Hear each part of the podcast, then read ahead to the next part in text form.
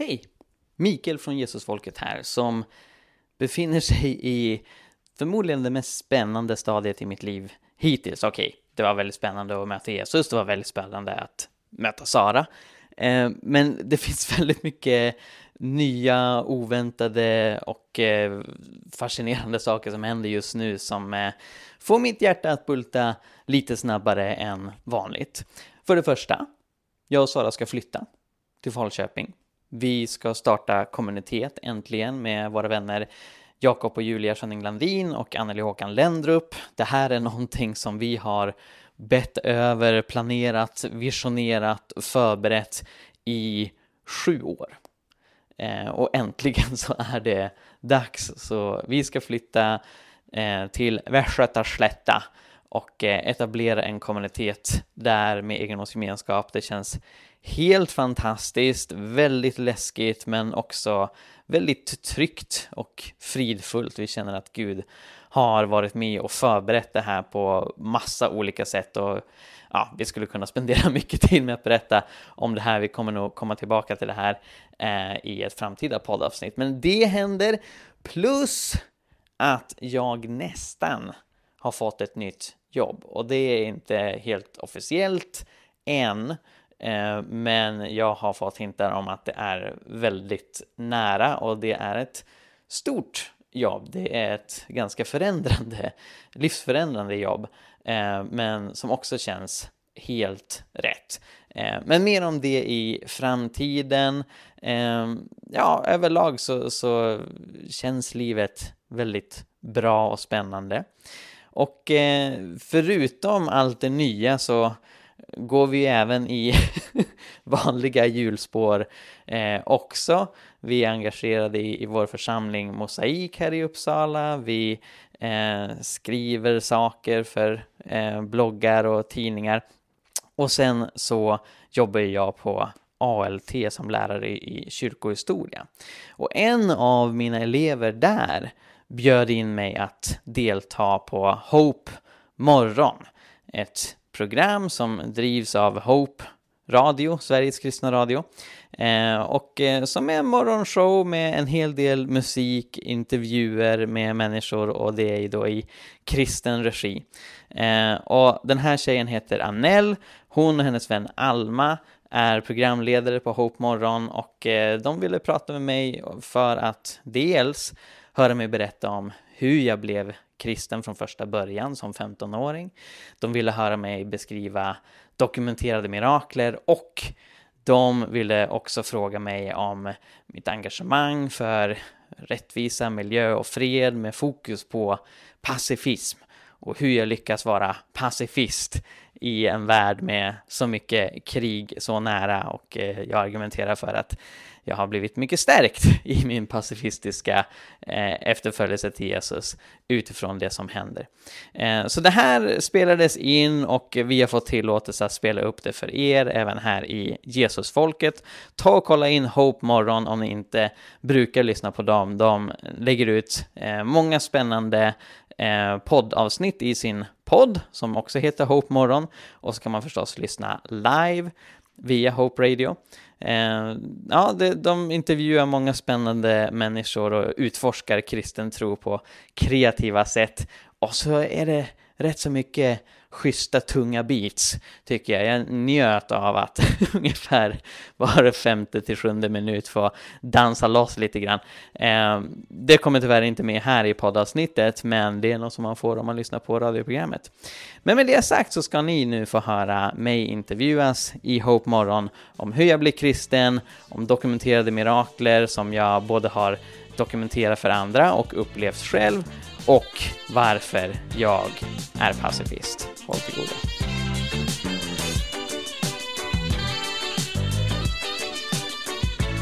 Och god morgon säger vi till er där hemma. Det är ju Hope morgon du lyssnar på och vi älskar ju att prata om vad Gud gör idag och gillar ju att prata om med människor som har erfarenheter av att Gud gör saker idag. Så idag har vi en gäst med oss och vi säger hej och varmt välkommen till Mikael Grenholm. God morgon Hej. Mikael. Hej! God morgon, tack så mycket. Mm. Och vi har ju berättat lite att du bland annat är en författare, att du har skrivit lite böcker och så. Eh, men vill du mm. presentera dig lite för lyssnarna så att vi får koll på vem du är? Ja, precis. Författare och föreläsare. Eh, lärare i kyrkohistoria på ALT, alltså Akademi för ledarskap och teologi. Eh, och sen så har jag varit pastor med min fru Sara för en församling i Uppsala som heter Mosaik. Vi har klivit av det pastorskapet nu i december bara. Men vi är fortfarande med i församlingen, älskar den församlingen.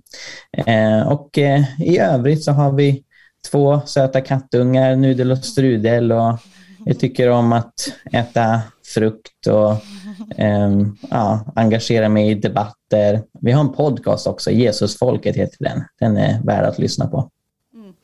Vi har pratat om, eller jag och Nell har pratat emellan oss, att, att du verkar göra väldigt många olika saker. Att du, du har en blogg, eller hur? Mm, du skriver precis. väldigt mycket och på ett sätt en opinions, lite opinionsbildare kan man väl nästan kalla dig va? Jajamän. Mm. Det, det, är ju kul för att det, er som har lyssnat eh, mer så vet ju ni att jag faktiskt pluggar ALT. Så jag har ju faktiskt Mikael nu i lärare, som lärare i kyrkohistoria. Så det är ju faktiskt väldigt, väldigt roligt måste jag ändå säga. Jag tycker att det är en fantastiskt spännande kurs och vi pratar ofta här i radion om, om saker som jag lär mig där. Så att här har ni alltså honom som lär mig vissa saker. och som är vår källa då till mycket av vi säger och drar slutsatser ifrån. Just det, ni får skylla på mig. Ja. Och, men jag vet också, det, det ska vi inte gå in jättemycket på nu, men jag vet att du håller på med en ny bok också nu. Vill du ja. tisa lite om den?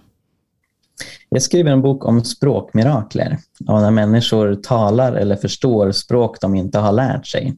Och oftast tar det sig uttryck att man eh, talar i tungor, som är en biblisk nådegåva.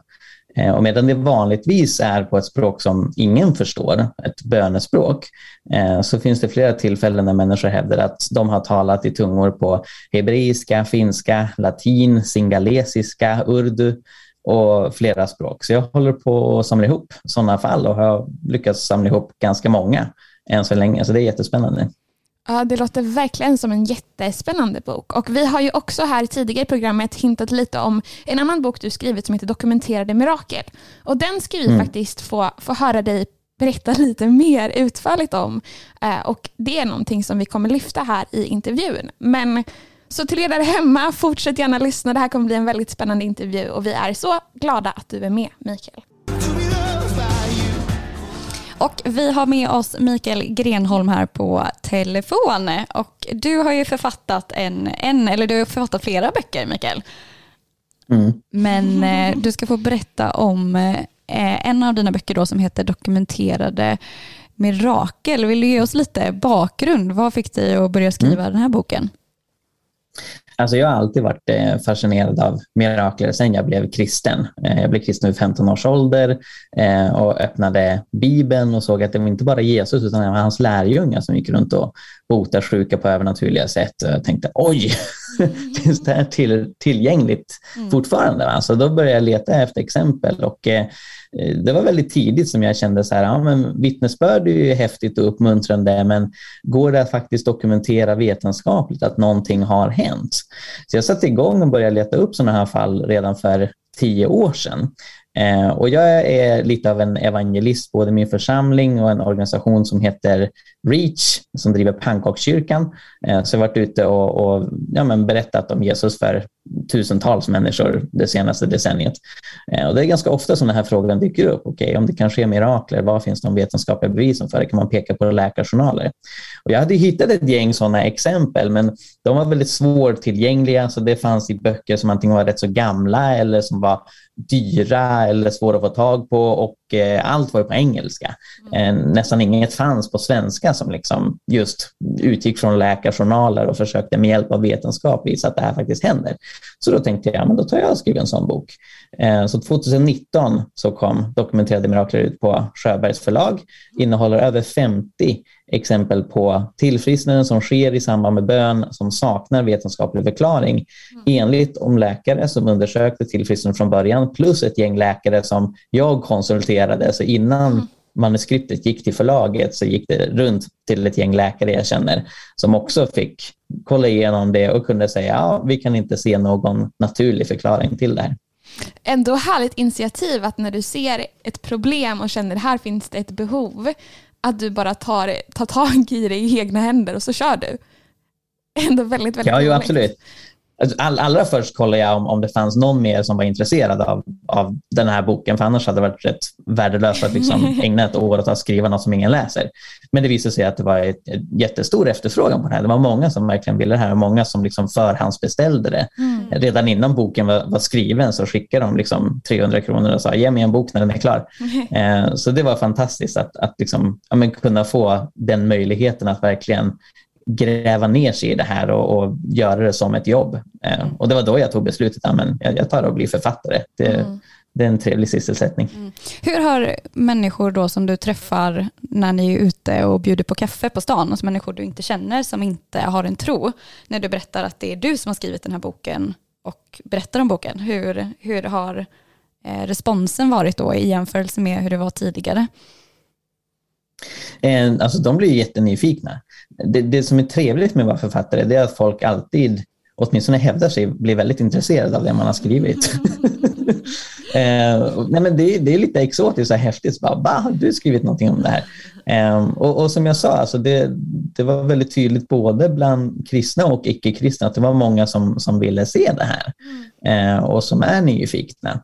Eh, och ofta kan jag också ge några exempel. Så en person som jag ofta berättar om är Jens Sjöström som var fotbollsspelare eh, som blev tacklad och trodde först att han fått en hjärnskakning men det var en hjärnskada. Eh, så han eh, var tvungen att sova 12 timmar varje natt. Han kunde inte kolla på tv, han kunde inte lyssna på musik eller någonting för han hade en sån extrem hjärntrötthet. Vårdades på neurorehab i eh, Umeå på Norrlands universitetssjukhus. Fem specialistläkare vårdade honom och de sa att han kommer aldrig få tillbaka den hjärnkapacitet han hade innan, vilket innebar bland annat att han, han aldrig skulle få spela fotboll igen. Mm. Men han blev helt frisk tio månader efter insjuknandet. Eh, och, och, det häftiga var att hans vän Lydia som var med i hans församling var liksom övertygad om att idag kommer Jens bli frisk. Idag kommer Gud hela honom. Så hon smsade till honom. Eh, Jens, idag är det din dag. Kom till kyrkan så blir du helad. Mm. Och Jens kunde inte komma till kyrkan den dagen, så han svarade tack för omtanken, jag kan inte komma. Och hon svarade, det gör ingenting, det är inte kyrkan som helar, utan det är Gud som helar. Mm. Eh, och sen så helt plötsligt, ungefär halv fyra på eftermiddagen, så, så blev han helt frisk. Alla hans problem och symptom försvann helt och hållet. Eh, och det visade wow. sig att det var vid samma ögonblick som Lydia hade suttit och bett för honom i kyrkan. Oj, eh, så han var inte ens där. Men han blev frisk exakt då och hans läkare kunde inte ge någon vetenskaplig förklaring till det här för de hade ju förutsatt att han skulle ha den här hjärnskadan för resten av livet. Det var inte en hjärnskada man kunde bli frisk ifrån, men han blev det ändå. Mm. Och, alltså så här, när jag berättar sådana här fall för människor, många blir ju paffa. De har aldrig hört talas om mm. något sånt här och tänkte liksom att det där med helande berättelser, det är bara långt borta där man inte kan verifiera det och det är min mammas kusins bortsprungna katts nya ägare som har varit med om det. Men det här handlar om sånt som faktiskt har hänt i vår närhet där läkare har verifierat att det har skett och det finns ingen naturlig förklaring. Oh, wow, det är så otroligt eh, spännande och så fantastiskt också. De som inte tror på Gud, eh, som ändå läser de här berättelserna och hör de här exemplen, finns det folk som ändå har motargument emot det, som fortfarande har svårt att, att tro det? Och vad är det i så fall de hävdar gör att de inte kan tro på det? De flesta av bokens kritiker det är de som inte har läst den. Ja. Så de ser titeln och säger nej men vetenskap och mirakler, det går inte ihop, du är dum i huvudet. Eh, men sen så finns det några lite mer seriösa artister som åtminstone har läst boken och fortfarande är kritiska. Eh, den vanligaste responsen hos dem det är att läkare är människor som begår misstag likt alla andra. Så när läkare säger att här finns det ingen naturlig förklaring, då gör de en felbedömning. För det finns en naturlig förklaring, de har bara inte hittat den. Och Det tycker jag är en väldigt svag invändning och intressant nog så placerar det mig som kristen på vetenskapens sida. Medan då ateister måste ifrågasätta läkarvetenskapen när den gör dessa bedömningar. Så antingen måste man säga att läkarna är så inkompetenta att de inte begriper någonting och, och gör aldrig några korrekta uttalanden. Och så långt är väl få liksom villiga att gå. Eh, men det är lika stort problem att säga okej, okay, läkare överlag de gör korrekta bedömningar och vi ska lyssna på dem när det är pandemi och så vidare. Men när de säger någonting som får det att låta som att Gud finns, då har de fel då ska vi inte lyssna på dem. Och Det blir väldigt inkonsekvent. Mm. Då, då, använder man ju inte läkarnas expertkunskap som en auktoritet överhuvudtaget, utan då har man redan på förhand bestämt sig för att mirakler inte finns. Och alla läkarutlåtanden som går emot den teorin liksom avfärdar man.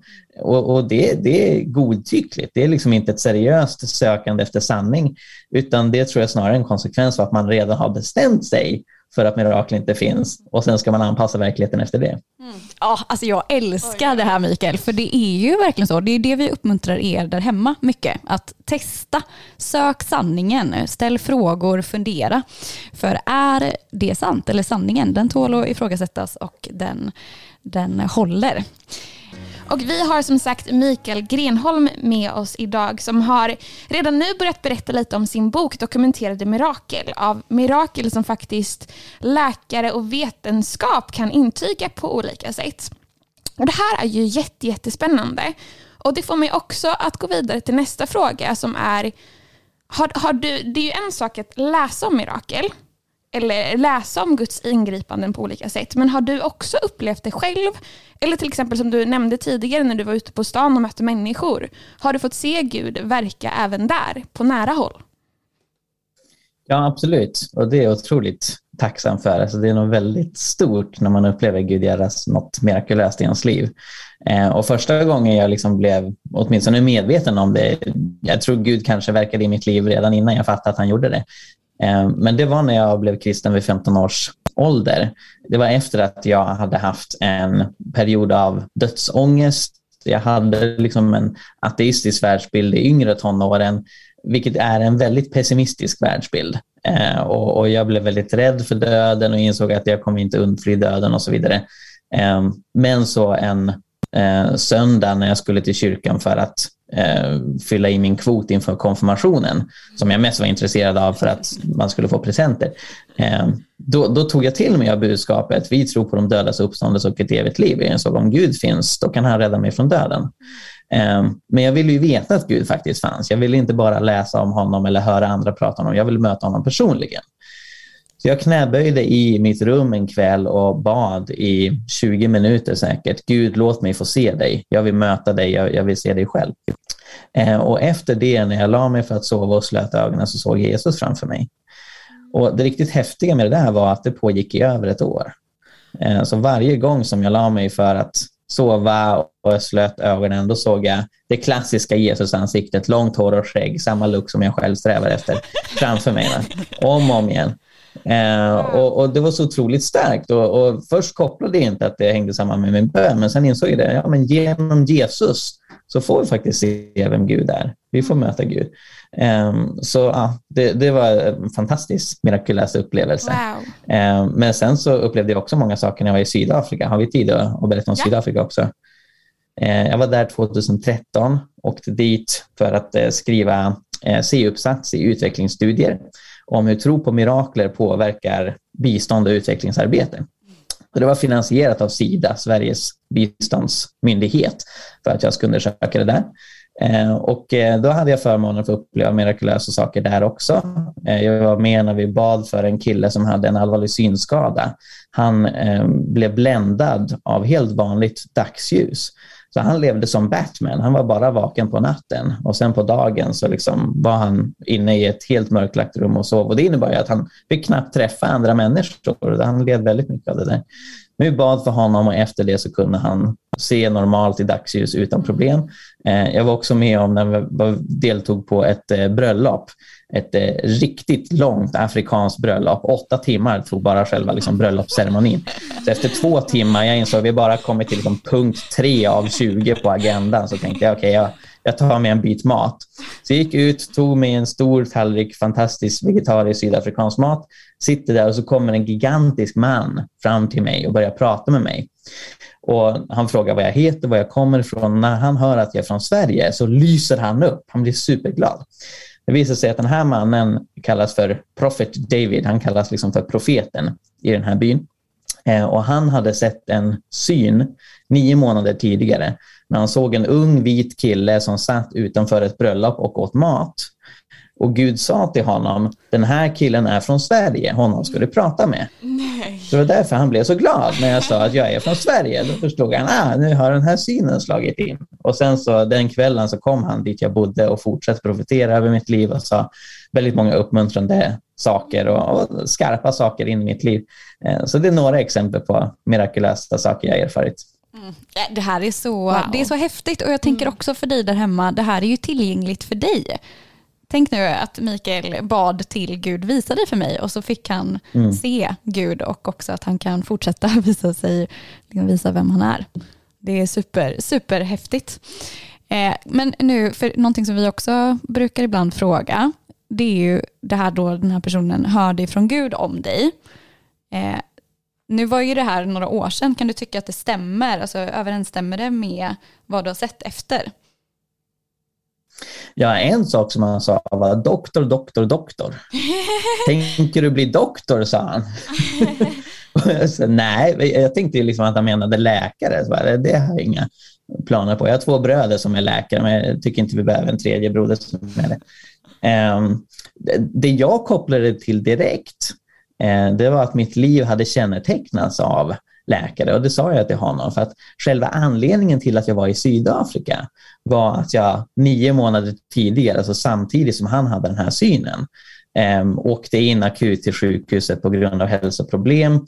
Eh, och eh, för att göra en lång historia kort, det innebar att min ursprungliga plan att åka till Mosambik eh, och, och göra uppsatsen där funkade inte för att jag blev för känslig mot malaria. Malaria finns i Sydafrika också men det är betydligt ovanligare, i synnerhet på sommaren som är deras vinter. Um, så, så, det var själva anledningen till att jag var i Sydafrika, att liksom så här, ja, av, av hälsoskäl.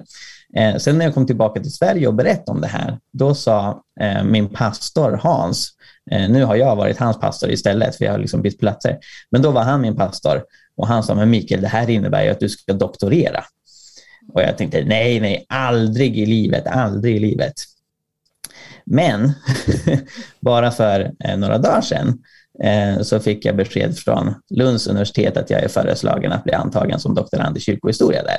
Wow! Så med, med åren så har, så har Gud även förändrat mitt hjärta. Mm. Eh, och, och det, det, är möjligt att det var kanske det han, han talade till mig om redan då i Sydafrika mm. för, eh, vad blir det, nio år sedan. Oj, oj, oj.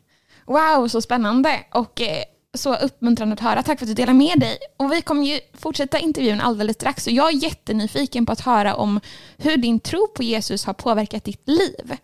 Um, för om nu Gud är på riktigt och du har fått vara med om de här sakerna, vad blir effekten då? Mm. Så det här ska vi fortsätta med tänkte jag alldeles strax. Och det här om man har sett mirakel men också undersökt, kan mirakel ske och hittar det, det sker. Oj, oj, oj, det här gör ju ändå kanske någon form av effekt på dig personligen, tänker jag, Mikael. Hur skulle du Verkligen. beskriva det själv? Vad, vad, vad gör eh, en upplevelse av Gud eller när man ser att han är på riktigt? Hur påverkar det ens liv? Eh, mitt liv har påverkat otroligt mycket. Ehm, så jag började då redan vid 15 års ålder när jag hade tagit steget att följa Jesus, han visade sig för mig, ehm, så började jag förstås läsa i Bibeln om honom. Började med evangelierna och möttes genast av väldigt radikal undervisning av hur han vill att, att vi ska leva.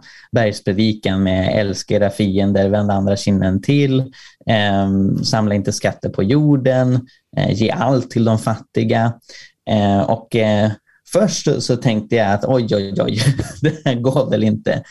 Men sen så, samtidigt med att jag läste Bibeln så upptäckte jag mer och mer liksom hur det såg ut i världen. Jag minns i synnerhet en eh, eftermiddag när jag först läste i Aftonbladet att det fanns en miljard människor som levde i extrem fattigdom, vilket då definierades som mindre än en dollar om dagen. Eh, och, och, det var liksom samma eftermiddag som jag sen tog fram Bibeln och så läste jag om, om Jesus undervisning om att ge till de fattiga och, och att leva enkelt. Eh, och då satte jag ihop två och två, att men det här är ju det världen behöver. Eh, så jag tog väldigt tidigt beslutet att jag själv skulle leva enkelt, leva miljövänligt för att inte ligga andra till last, inte leva på andra människors bekostnad. Eh, och eh, börja engagera mig både praktiskt i Stadsmissionen i Uppsala och för andra liksom organisationer, även biståndsorganisationer som Diakonia engagerade jag mig i och, och hjälpte dem för att samla ihop pengar och uppmärksamma människor på globala problem som ett resultat av mitt lärjungaskap. Eh, och sen efter några år så insåg jag att ja, men de här globala orättvisorna som Jesus vill att jag ska engagera mig för, de kommer ju hit ibland i form av flyktingar. Det är människor som flyr från krisdrabbade länder där det är krig, där det är naturkatastrofer och så hamnar de här. Eh, så då så började jag engagera mig för flyktingar och så upptäckte jag att Bibeln talar ju massa om det också. Tredje Mosebok 19, älska invandrare som dig själv. Eh, så, så det var också liksom en, en, väldigt naturlig del av mitt lärjungaskap, att hjälpa flyktingar, leva enkelt och miljövänligt och hjälpa fattiga människor. Mm. Ja, men det, det är ju lite annorlunda, tänker jag, mot hur, hur man i snitt lever i Sverige. Alltså det här du beskriver, det skiljer ju sig ganska mycket. Är det, upplever du att eh, det är lätt att leva, och ta, leva efter de besluten du har tagit? Eller hur, hur ser det rent praktiskt ut? Har det varit obekvämt för dig att ta de här stegen?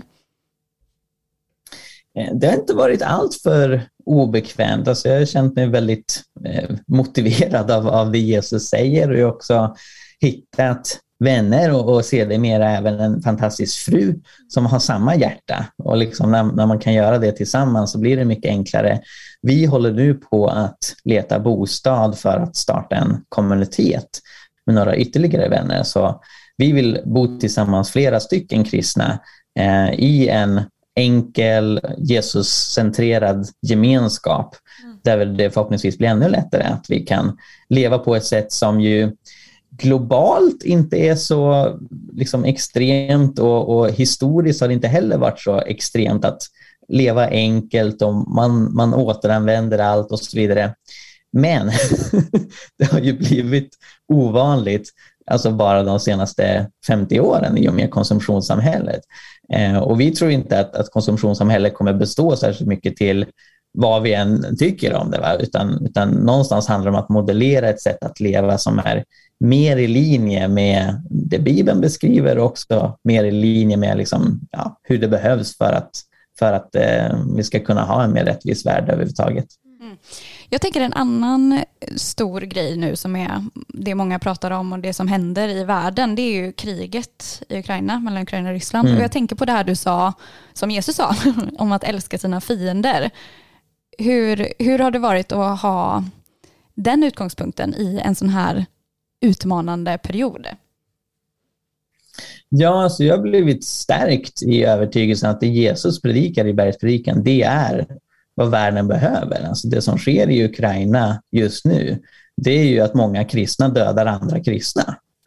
Eh, så alla ryssar och ukrainare är inte kristna, men väldigt många är det. Och, och, jag tror inte någon kan säga att yes, så här var det Jesus tänkte det. Va? Utan det är en enorm tragedi som har politiska orsaker, ekonomiska orsaker. Eh, och det som jag har blivit väldigt uppmuntrad i, det, det är att eh, alltså, de icke-våldslösningar som faktiskt används i Ukraina när civilbefolkningen gör motstånd genom att helt enkelt vägra samarbeta, genom att ja, men på olika icke-våldsliga sätt eh, sätta käppar i hjulet för den ryska krigsmaskinen. Det verkar ha väldigt stor effektivitet. Och samma sak kan man se i flera studier som har gjorts på icke-våldsmotstånd. Så det kom en studie 2012 av en forskare som heter Erika Chenoweth som jämförde hur har det gått för icke-våldsliga motståndsrörelser som inte sitter liksom med armarna i kors och inte gör någonting utan de eh, ägnar sig åt strejker och, och de försöker liksom sätta käppar i hjulet för auktoritära regimer men inte genom att döda. Hur, hur har de lyckats jämfört med rebellrörelser eller liksom våldsamma rörelser som också sätter sig upp mot en auktoritär regim med vapen? Mm. Och svaret är att icke-våldsrörelserna har varit dubbelt så effektiva. Och Det tycker jag är en fantastisk uppmuntran. Men Jesus pekar på en väg som inte är naiv och liksom det bara gäller i himlen. Jag har aldrig fattat det, liksom att så här, det Jesus undervisar oss om, det skulle bara gälla när vi har dött. It doesn't make any sense. Utan Jesus pekar på något konkret som faktiskt fungerar för att det handlar fortfarande om att göra motstånd. Eh, det han uttrycker till exempel då i bergspredikan om att om någon eh, begär dig om eh, din tunika eller liksom din klädnad, ge honom manteln också. Det är liksom ett icke-våldsligt sätt att demonstrera att här sker ett förtryck, här, här sker en orättvisa på ett väldigt kraftfullt sätt i den kulturen. Eh, och, och, det liksom pekar på men, kreativa sätt att mm. utmana onda makter men som inte spelar på deras planhalva. Som Paulus uttrycker i Romarbrevet 12, besegra det onda med det goda. Försök inte liksom släcka eld med eld utan ta er in andra vägar. Och det är något som jag tycker att, eller som jag är övertygad om att Gud vill hjälpa oss med. Men då rent praktiskt, alltså hur kan man göra då som svensk idag? Om man, om man då vill gå i linje med det här du beskriver. Men det är ju inte i vårt land framförallt som det händer. Hur kan man göra då för att fortfarande inte vara passiv? Nej, men verkligen, alltså, väldigt mycket av konflikter kan ju förhindras innan de utbryter. Eh, och, och, där så, så, tycker jag till exempel att eh, ja, men vi behöver stärka de relationer vi redan har i, i den internationella kyrkan och stödja till exempel demokratiska krafter i Ryssland. Det pågår ju jättemycket icke-våldsligt uppror i Ryssland just nu. Tusentals människor som protesterar mot det som sker där. Och det är krafter som behöver stödjas. Eh, men sen också förstås att eh, hjälpa de som nu flyr från Ukraina. Jag har själv arrangerat en insamling till förmån för Ukraina. Det är ju också en otroligt viktig del av det här. Eh, och sen så, så sker det lite spännande saker tycker jag eh, med hackers som försöker liksom, eh, ja, men, sätta käppar i hjulet för Putins regim genom att hacka sig in på hemsidor och, och blottlägga känsliga uppgifter och sånt där. Och det är ju också ett sätt som kanske inte är, vad ska man säga, ortodoxt eller vanligt. Men, men det är ett icke-våldsligt sätt att göra motstånd. För som sagt, även det Martin Luther King eh, demonstrerade var ju att, att som, som, eh, som efterföljare till Jesus som tror på liksom icke-våld och fiendekärlek så handlar det inte om att lägga sig platt inför förtryck utan det handlar om att göra motstånd och kanske till och med göra saker som är olagliga i civil olydnad. Men man gör det inte på ett sätt som, som skadar någon annan utan man, man, kan utsätta sig själv för risk för skada eller till och med död. Martin Luther King blev ju till och med mördad. Mm. Men man gör det inte på liksom eh, ja, men, våldspremisserna, att, att liksom, man ska möta våld med våld, utan det finns en kraft i att tänka kreativt och göra det på ett annorlunda sätt så att eh, de som vill använda våld blir avväpnade helt enkelt. Mm. Spännande också det här du sa om eh, den forskningsrapporten, eh, att det var mm. dubbelt så effektivt. Det är Jättespännande. Jätte, det är jättebra argument. Och det är ju verkligen ingenting som, som lyfts särskilt mycket utan ofta så om man tänker den pacifistiska rörelsen är ju väldigt, många väldigt kritiska till för att de inte tycker att men också jag tror att det handlar om ett missförstånd, att man kanske tänker att det handlar om att lägga sig platt, men att hitta andra sätt att göra motstånd, men bara inte på samma mm. planhalva. Men det är väldigt intressant, just den forskningsrapporten. Och vi ska... Ja, men verkligen. Och, förlåt. Nej, kör, kör, kör. Nej, men jag ska bara säga att det finns en, en jättehärlig organisation som heter Christian Peacemaker Teams mm. som åker ut till konfliktområden. Så de, de duckar inte, de lägger sig ner på mattan. De åker till konfliktområdena och finns där på plats och stärker demokratiska rörelser, stärker fredsrörelsen, men de vägrar använda våld. De har skyddsvästar så att de klarar sig lite bättre om de blir utsatta för våld, men de använder inte våld själva. Och sånt tror jag väldigt mycket på. Jätte, ja, väldigt inspirerande och så intressant. Och vi ska ju avsluta den här intervjun alldeles, alldeles strax. Är det någonting sist, något sista du hade velat skicka med till de som lyssnar eh, idag? Jag skulle vilja skicka med att om du som lyssnar inte har upplevt mirakler själv, om du inte har tagit steget att följa Jesus, testa för allt i världen för, för mig så var det en väldigt enkel bön, en väldigt ärlig, ihärdig bön, men ändå väldigt enkel bön som vem som helst kan be, som satte igång en resa som helt och hållet förvandlade mitt liv och som varit så fantastisk.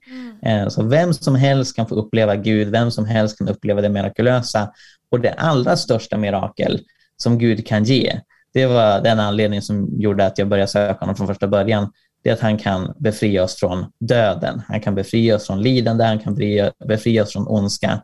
Och, och det miraklet, det uppståndelsemiraklet som väntar alla som följer Jesus att uppstå precis som honom, det är det mest fantastiska som existerar. Mm.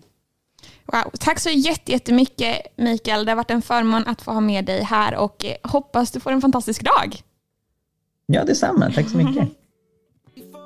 Och vi säger ju god morgon igen och klockan har ju slagit 8.28 och du lyssnar på Hope morgon.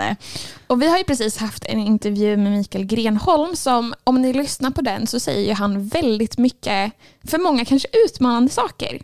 Han uttrycker det både liksom en tro på att det går att dokumentera mirakel, att det går att hitta bevis för att mirakel faktiskt har skett. Och att han till och med skrivit en bok om det. Bara det är ju ganska uppseendeväckande. Det väcker ju mycket tankar.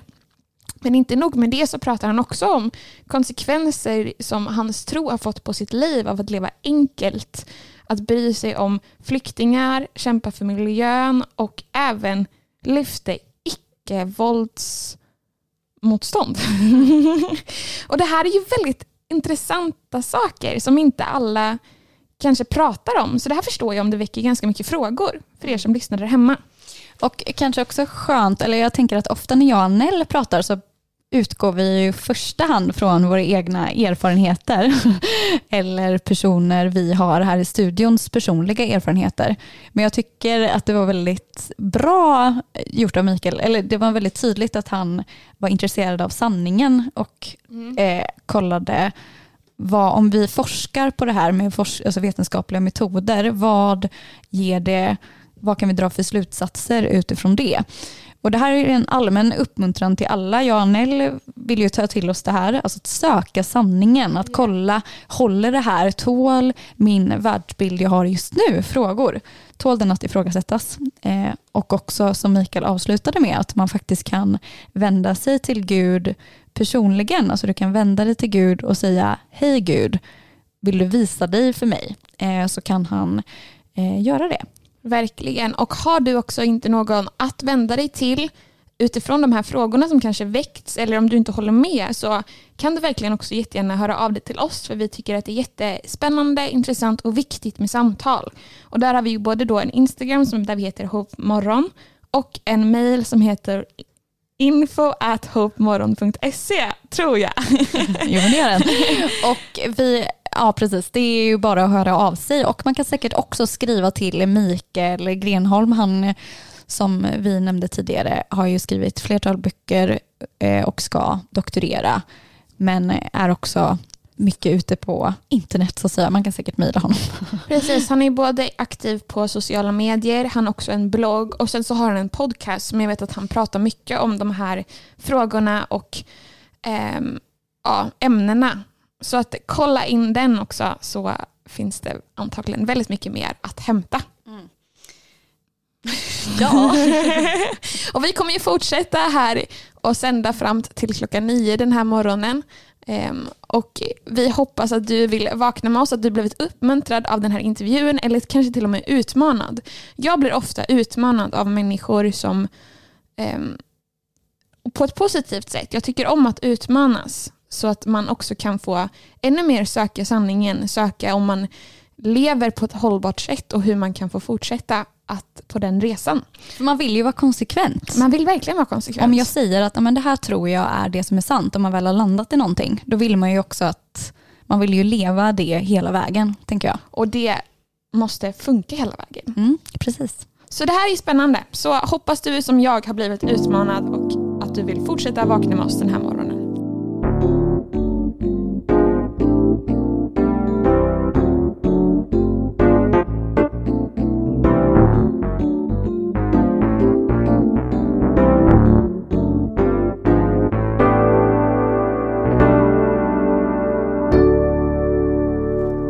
Mycket för att du lyssnar på Jesusfolket.